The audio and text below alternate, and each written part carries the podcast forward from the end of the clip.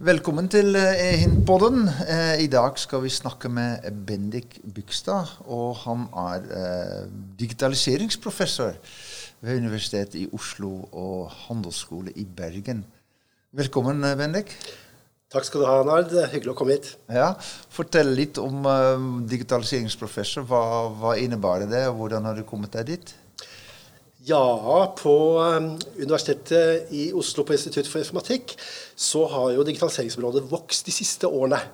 Eh, og eh, i dag så er det en ganske stor enhet, som er altså seksjon for eh, digitalisering, med flere enheter. Vi jobber med helse, med bruker-HCI-problemstillinger og bærekraftproblemstillinger. Mm.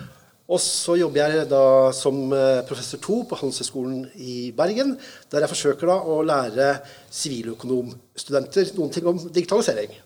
Ja, det bør de vel vite i disse tider.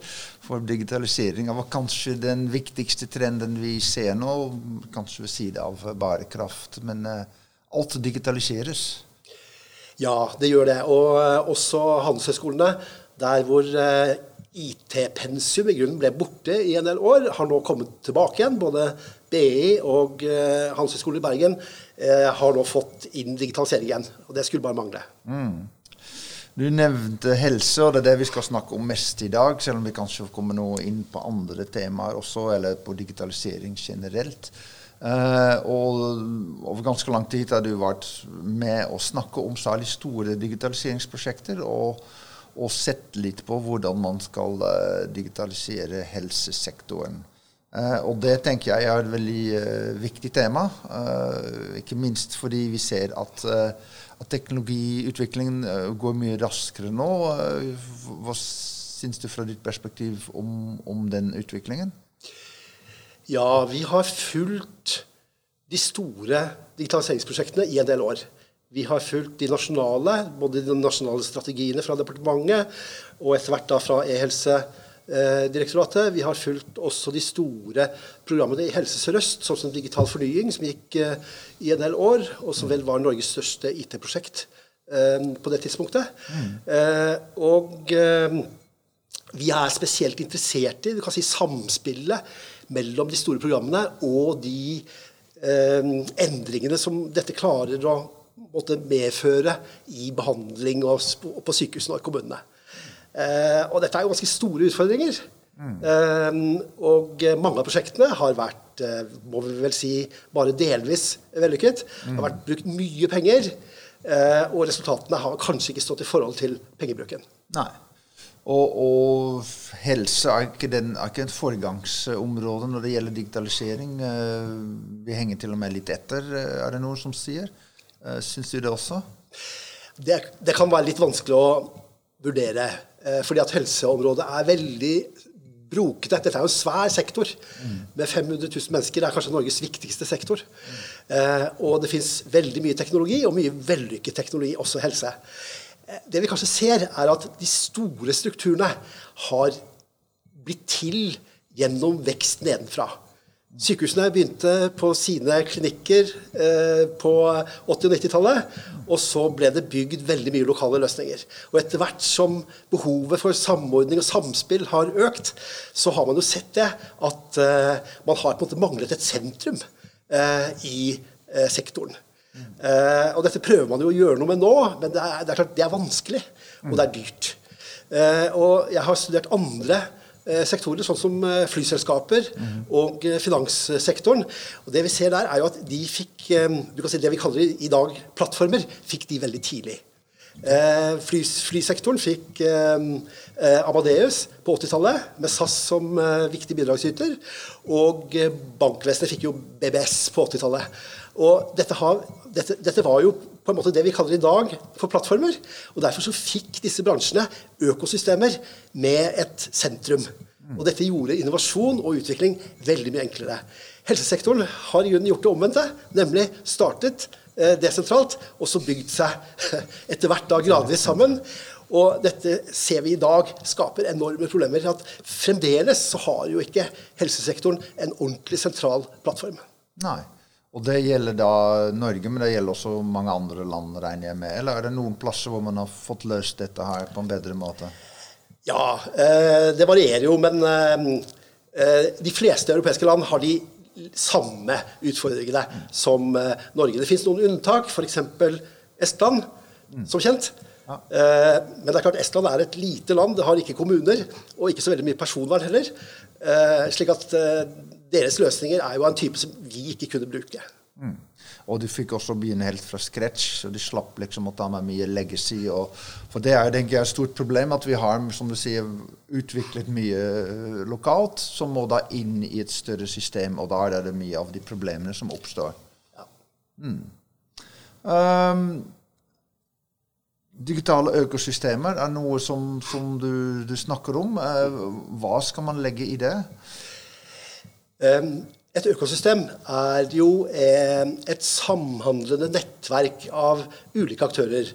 Og digitale økosystemer eh, består normalt av en sentral plattform, eh, og så da enten i kommersiell sammenheng eh, kjøpere og selgere på hver sin side, sånn som vi ser med Airbnb og Uber og sånt. I offentlig sektor så har vi også vellykkede økosystemer, sånn som Altinn. Sentral plattform, samhandling, borgere og bedrifter. Uhyre flott uh, laget, egentlig. Ja. Uh, og uh, det man i økende grad snakker om i helsesektoren, er jo også behovet for et økosystem i denne sektoren. Og du kan si De viktigste fordelene med et økosystem det er at det muliggjør noe som er veldig viktig i helse, nemlig det at noe må være stabilt, langsiktig, sikkert og trygt. Mm -hmm. eh, og det er det vi kaller for plattformkjerner. Og så må noe være dynamisk og innovativt, og det er det som er nær brukerne. Eh, og økosystemer gjør det mulig å gjøre begge deler. Eh, man samhandler med denne plattformen gjennom det vi kaller da grenseressurser, eller boundary resources, eh, som gjør at tredjeparts leverandører kan da lage skreddersydde tjenester, men likevel være en del av et fornuftig hele. Mm. Eh, dette har en annen fordel, og det er at det stimulerer til næringsutvikling. Og i Norge så har vi jo etter hvert da en god del e-helsebedrifter, mange av dem små, som har gode produkter, mm. men som har problemer med å komme inn i dagens eh, økosystem, som er veldig dominert av noen få store leverandører. Okay. Um ja, nei, det, det er interessant. Um, og så tenker jeg også, fordi du snakker om, om næringsliv og, og, digitale eh, plattformer, og når man snakker flytrafikk og bank og finans, er de veldig uh, stor andel av privat sektor. Men i helsesektoren har vi da en veldig stor offentlig komponent også. Både i det, det politiske retningsgivende, som da de siste årene har legget veldig mye på Direktoratet for e-helse og Norsk Helsenett. Eh, og, og så har man da helseregioner, kommuner, eh, veldig mange aktører på den andre side. Um, så man kan si det er jo et økosystem der ute, men, og det er også et digitalt økosystem, men det samhandler ikke på riktig måte. For det er egentlig kjernen i det vi prøver å få til. Det er nettopp den samhandlingen. Mm. Ja, og eh, i den sammenheng så syns jeg vel kanskje at E-helsedirektoratet kunne gjort mer. Eh, og det har å gjøre med at disse stabile komponentene i det norske e-helse-økosystemet, de må være statlige. Og de bør være statlige. Ja. ja. Eh, mens du kan si den lokale innovasjonen, brukerorienterte tjenester, av, som, som, vi trenger veldig mye av, og egentlig mye mer enn vi har i dag, de kan gjerne leveres av de private. Og Der syns jeg at eh, både departement og, eh, og E-helsedirektoratet har sviktet litt med å etablere en fornuftig arbeidsdeling her. Eh, og Istedenfor å spesifisere akkurat hva brukerne trenger, så syns jeg at Helsedirektoratet heller burde konsentrert seg om plattformer, grenseressurser, standarder, mm. eh, og så latt eh, private aktører konkurrere om brukertjenestene. Dette, dette, er mitt syn på det. Ja, ja. Nei, det er jo mange andre som uh som mener noe i den retningen også. Men jeg tenker at direktoratet selv da vil si men vi jobber jo nettopp med å bygge en grunnmur. Vi har laget uh, kjernejournal og e-resept og komponenter som er som felleskomponenter, som de uh, kaller det på mange områder. Um, og, og, det er jo utvilsomt endret noe de siste årene i Norge i forhold til digitalisering rundt helse. Jeg er enig i det. Og uh, hvis vi ser på Akson-prosjektet, som vi har debattert en god del uh, det siste året, uh, så har det jo vært en betydelig utvikling fra den første rapporten fra 2015, var det vel, der økosystem ikke er nevnt, tror jeg, til i dag, der også på en måte rapporter fra både direktoratet og KS nå eh, snakker om økosystemer eh, og samspill. Eh, og jeg syns dette er bra. Eh, men jeg syns likevel at man kunne, heller, man kunne ta, ta, mer tak i hvem er det på en måte som skal eie og forvalte norske helsedata. Mm. Eh, for tradisjonelt så har jo de ligget i eh, systemene til de store leverandørene at eh, sykehusdata lagres i DIPS-løsningen, og nå i, snart i Epic-løsningene. Og tilsvarende med eh, de kommunale løsningene. Mm. Eh, og hvis vi tenker på det, så eh, er det jo ikke noe naturlig at eh, kanskje de mest følsomme data en nasjon har, nemlig eh, personlige helsedata, mm. at de skal ligge i sånne løsninger. hvis vi tar Altinn og Brønnøysund som eksempel, så ser vi at alle de andre Eh, opplysningene om eh, borgere og eh, bedrifter de ligger selvfølgelig i et offentlig register som er forvaltet på en trygg og god måte. og Her, her syns jeg vel at vi kunne ha hatt en på, på en måte en mer tenksom strategi fra direktoratets og departementets side. Hva skal vi gjøre med de norske helsedataene? fordi at Eh, her har det vært for mye snakk om hva slags funksjonalitet sluttbrukere trenger. Men det er i grunnen ikke noe stort problem. Dette vet uh, bransjen veldig godt hvordan man løser. Mens akkurat det å forvalte disse dataressursene, dette er etter min mening en nasjonal oppgave. Og her syns jeg kanskje at myndighetene har vært veldig passive. Ja, det er jo veldig interessant, for vi har jo f.eks. helseregistre, og de er jo veldig eh, nasjonale. De er jo offentlig eh, styrt. Eh, mens uh, når vi ser på f.eks. nye data som genetikk og, og, treningsdata og sånne type ting, de legger vi gjerne igjen i amerikanske selskaper sånn, uten at vi har en god strategi for det. Uh, og så har vi det som vi kaller mer kliniske data, som ligger mye i pasientjournaler. Og, og, vi kan kanskje si at det forrige tiåret, hvis man tenker litt i tiåret, fra, fra 2010 til 2020, har vært litt som pasientjournalens uh, tiår. Det har vært veldig uh, rettet også ut fra den visjonen én innbygger, én journal. Uh, prosjekter som Helse Midt, hvor man kobler da sammen sykehusene kommuner og fastlege. Akson, som du nevner, som en slags fellesjournal for, for uh, kommunene. Er, er pasientjournalen er det, der, er det på en måte kjernen i den digitale helseverdenen, eller er det bare en liten del av det? Ja, Det er jo et godt spørsmål. Eh, men jeg tror vel at de fleste vil være enig i at eh, pasientdata er kjernen av helsedata. Det er altså de dataene som blir produsert når du er hos fastlegen din, når du behandles på sykehus, eh, og som følger deg eh, opp gjennom. Slik at pasientjournal er, klart, det er en bærebjelke i et helsesystem og i helsedata. I tillegg så ser vi jo det at vi produserer en masse data på andre måter gjennom devices, mobiltelefoner, sosiale medier osv. Og, og, det er klart Disse har foreløpig da unnsluppet liksom, eh, eh, myndighetenes strategier. Men det er klart eh, vi må, vi må også begynne å tenke på dem. Mm. Og det er Jeg er helt enig med deg. Det er ikke noe Jeg føler, jeg føler ikke at, at, det er noe hyggelig at, at, mine helsedata skal lagres hos Apple i, i California. Hvorfor skal de det? Nei, det, det er Apple og Google som er mye av våre, våre helsedata. Og vi ser nå at, at, også det med genetikk Mange som lar seg uh, sekvensere av amerikanske selskaper eller kinesiske selskaper. Også, uh, og, og, type Fitbit og andre uh, treningsapper som også får våre data. så det er jo interessant. Men, men du, snakket om dette her med, med lett og, og, tung IT. ikke sant? Det er et begrep som, som du har vært, eh, stått veldig i, i, i fronten for i Norge. Um, og så prøver man å finne litt ut hvor, hvor er grensene. Hva, hva er tung IT? Kanskje vi kan begynne der. Hva er tung IT? Er det bare store skap som, som man må ha mange karer for å løfte, eller er det noe i, i funksjonaliteten der som uh... Men altså jeg har skilt mellom lett og tung IT ved å si at uh, tung IT det er de tradisjonelle store transaksjonssystemene som vi kjører på store servere, som uh, utvikles uh, ved software engineering, ved profesjonelle metoder, og som driftes profesjonelt i store dataoperasjoner. Mens lett-IT er typisk disse nye tingene.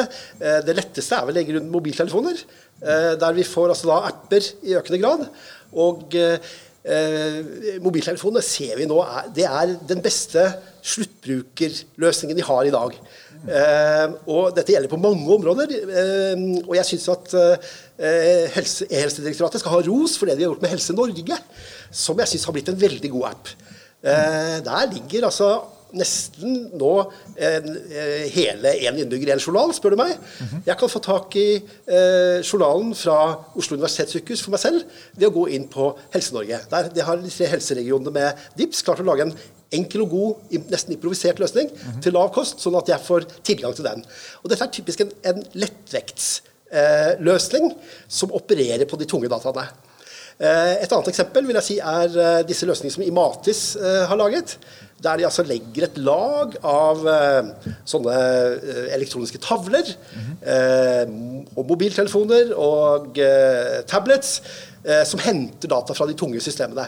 Og dette å kunne kombinere store, tunge systemer med lette sluttbrukerløsninger har mange fordeler.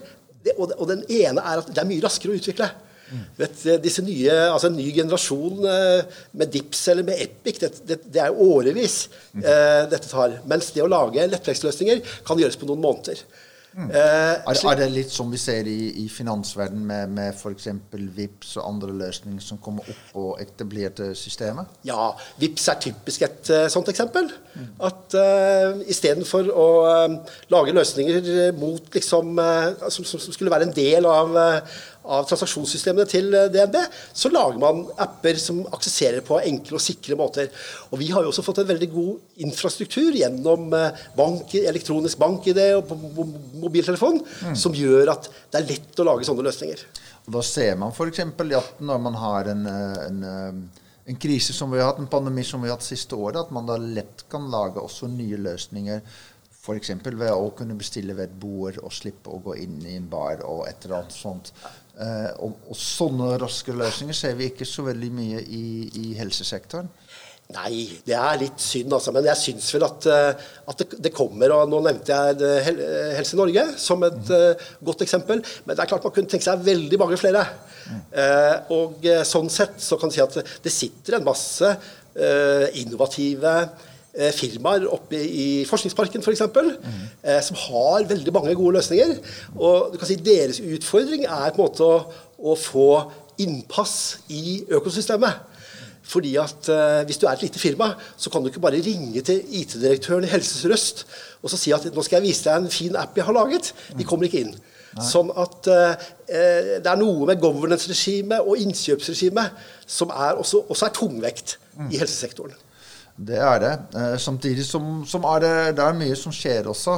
Eh, jeg snakket her i uke med Vestreviken f.eks. Det er mange prosjekter med hjemmeoppfølging. Det er mange ting som går mot, mot uh, kols og diabetes og andre områder. Det er mange kommuner som jobber med ting. Eh, så vi ser at det er oppstått ganske mye innovasjon rundt helse. Eh, og så opplever jeg at den ofte er litt usynlig og veldig lokalt organisert. Uh, og det er kanskje også noe med hvordan kan man løfte det og spre det ut over hele Norge, og kanskje til og med ha det som, som produkter man kan tilby andre, i andre land?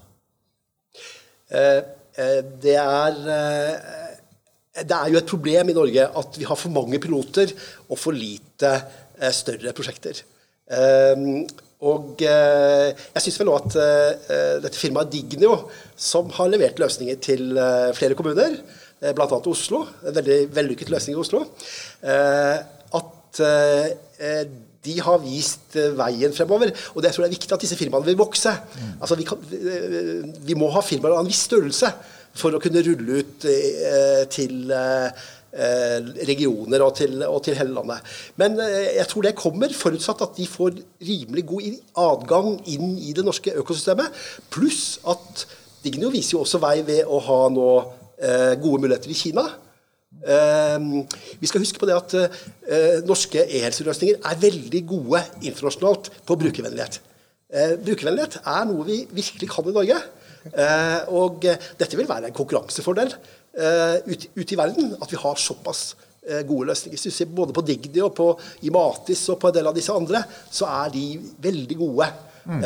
på hvordan man skal designe sluttbrukerløsninger. Og det er jo veldig bra, for vi har jo veldig gode helsetjenester i Norge. Og vi ønsker jo at Målet er jo at alle mennesker i verden får gode helsetjenester. Og, eh, og selv om det skjer mye bra i mange andre land også, er det veldig mange mennesker som ikke har det.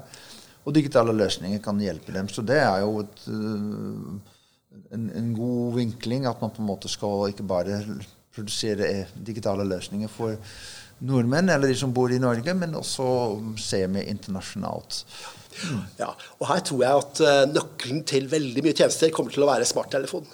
Mm. Fordi det er så stor del av verdens befolkning som allerede har en smarttelefon. Uh, det er billig teknologi, fungerende teknologi, infrastrukturen fins. Uh, og det å lage da løsninger som aksesserer sentrale registre, er ikke veldig kostbart. slik at her tror jeg vi kommer til å se en veldig interessant utvikling. Mm.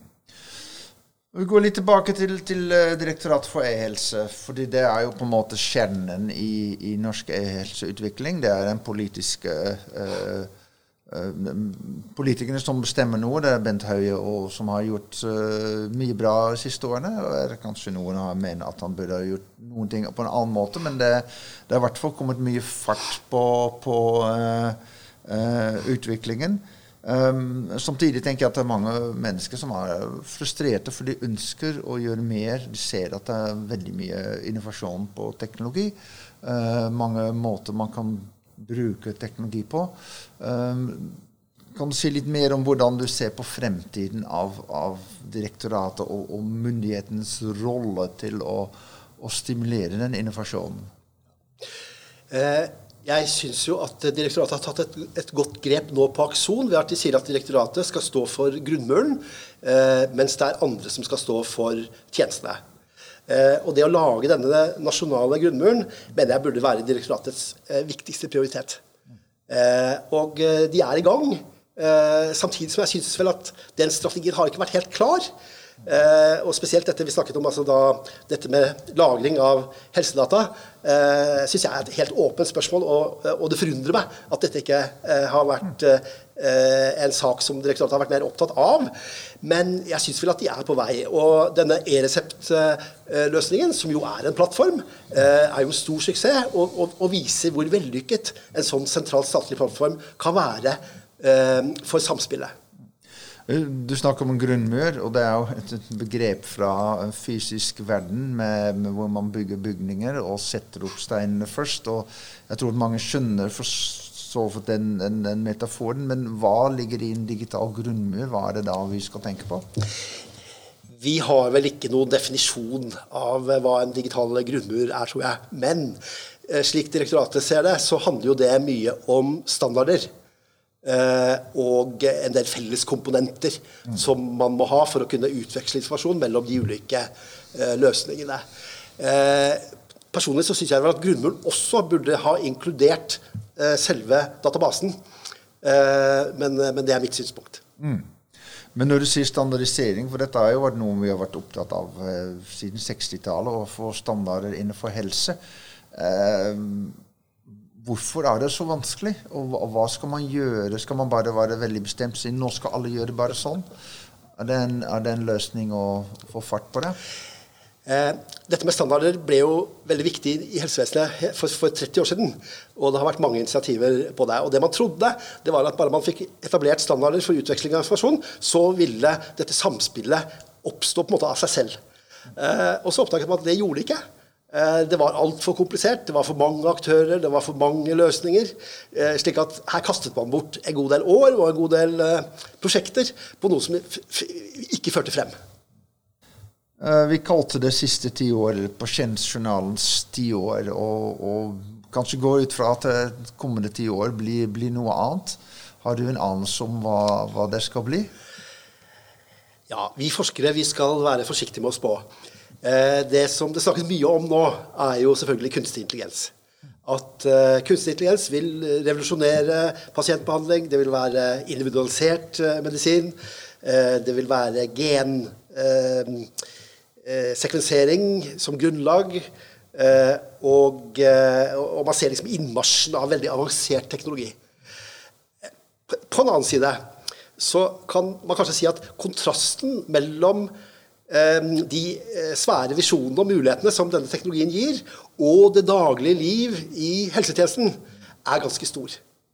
Eh, og sånn sett så kan man kanskje si at, at det å satse hardt på disse veldig avanserte Eh, løsningene eh, er eh, vil gi mindre avkastning enn å få orden på de basale tjenestene, ville jeg sagt. Mm. Ja. Men hvis jeg ser på Vi snakket jo litt om, om finanstjeneste og, og, fly og reise.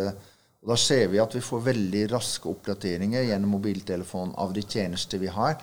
Er det mulig å få det i helse også?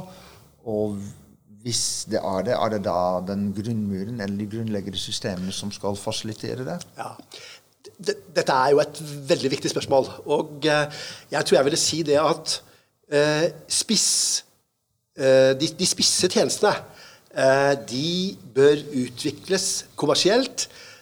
Prøves ut i de gode miljøene, men de må kobles til de større strukturene. Og det å gjøre dette er krevende. Og det forutsetter at eh, det etableres en god arbeidsdeling. Eh, at myndighetene aksepterer at det er innovasjonskraften i privat sektor som må brukes for å utvikle disse tjenestene. Men så må sikkerhet og basisregistre eh, støttes av det offentlige. Og Det å få til denne arbeidsdelingen eh, tror jeg vil være et kritisk element for å få dette til å fungere. Fordi at hvis, hvis dette ikke kobles, så får man det vi har allerede hatt mye av de siste tiårene. Og det er piloter som er lokalt vellykkede, men som ikke fører til noe. Mm. Og, så ser vi også at teknologien er, ses mye som et lag mellom innbyggerne og den kliniske verden. Mens vi egentlig ønsker et mye mer integrert eh, system der. Er det, er det mulig? Jeg tror jo absolutt at, eh, at det er mulig, og, og, og, jeg tror at nøkkelen til mye av dette her ligger i mobiltelefonen. Fordi at mobiltelefonen er på en måte blitt folks hverdagsverktøy. Eh, de er vant til at du får løst alt der. Du, du bestiller og, og avlyser eh, sydenturer, du kjøper trikkebilletten der, du sjekker bankkontoen, du overfører 200 kroner eh, til kompisen. Alt gjør det på mobiltelefonen. Så, så, den er nøkkelen. Og det å lage gode løsninger på mobiltelefonen for, for, for ulike pasientgrupper eh, ser jeg som en, en, helt klar nøkkel her. Mm.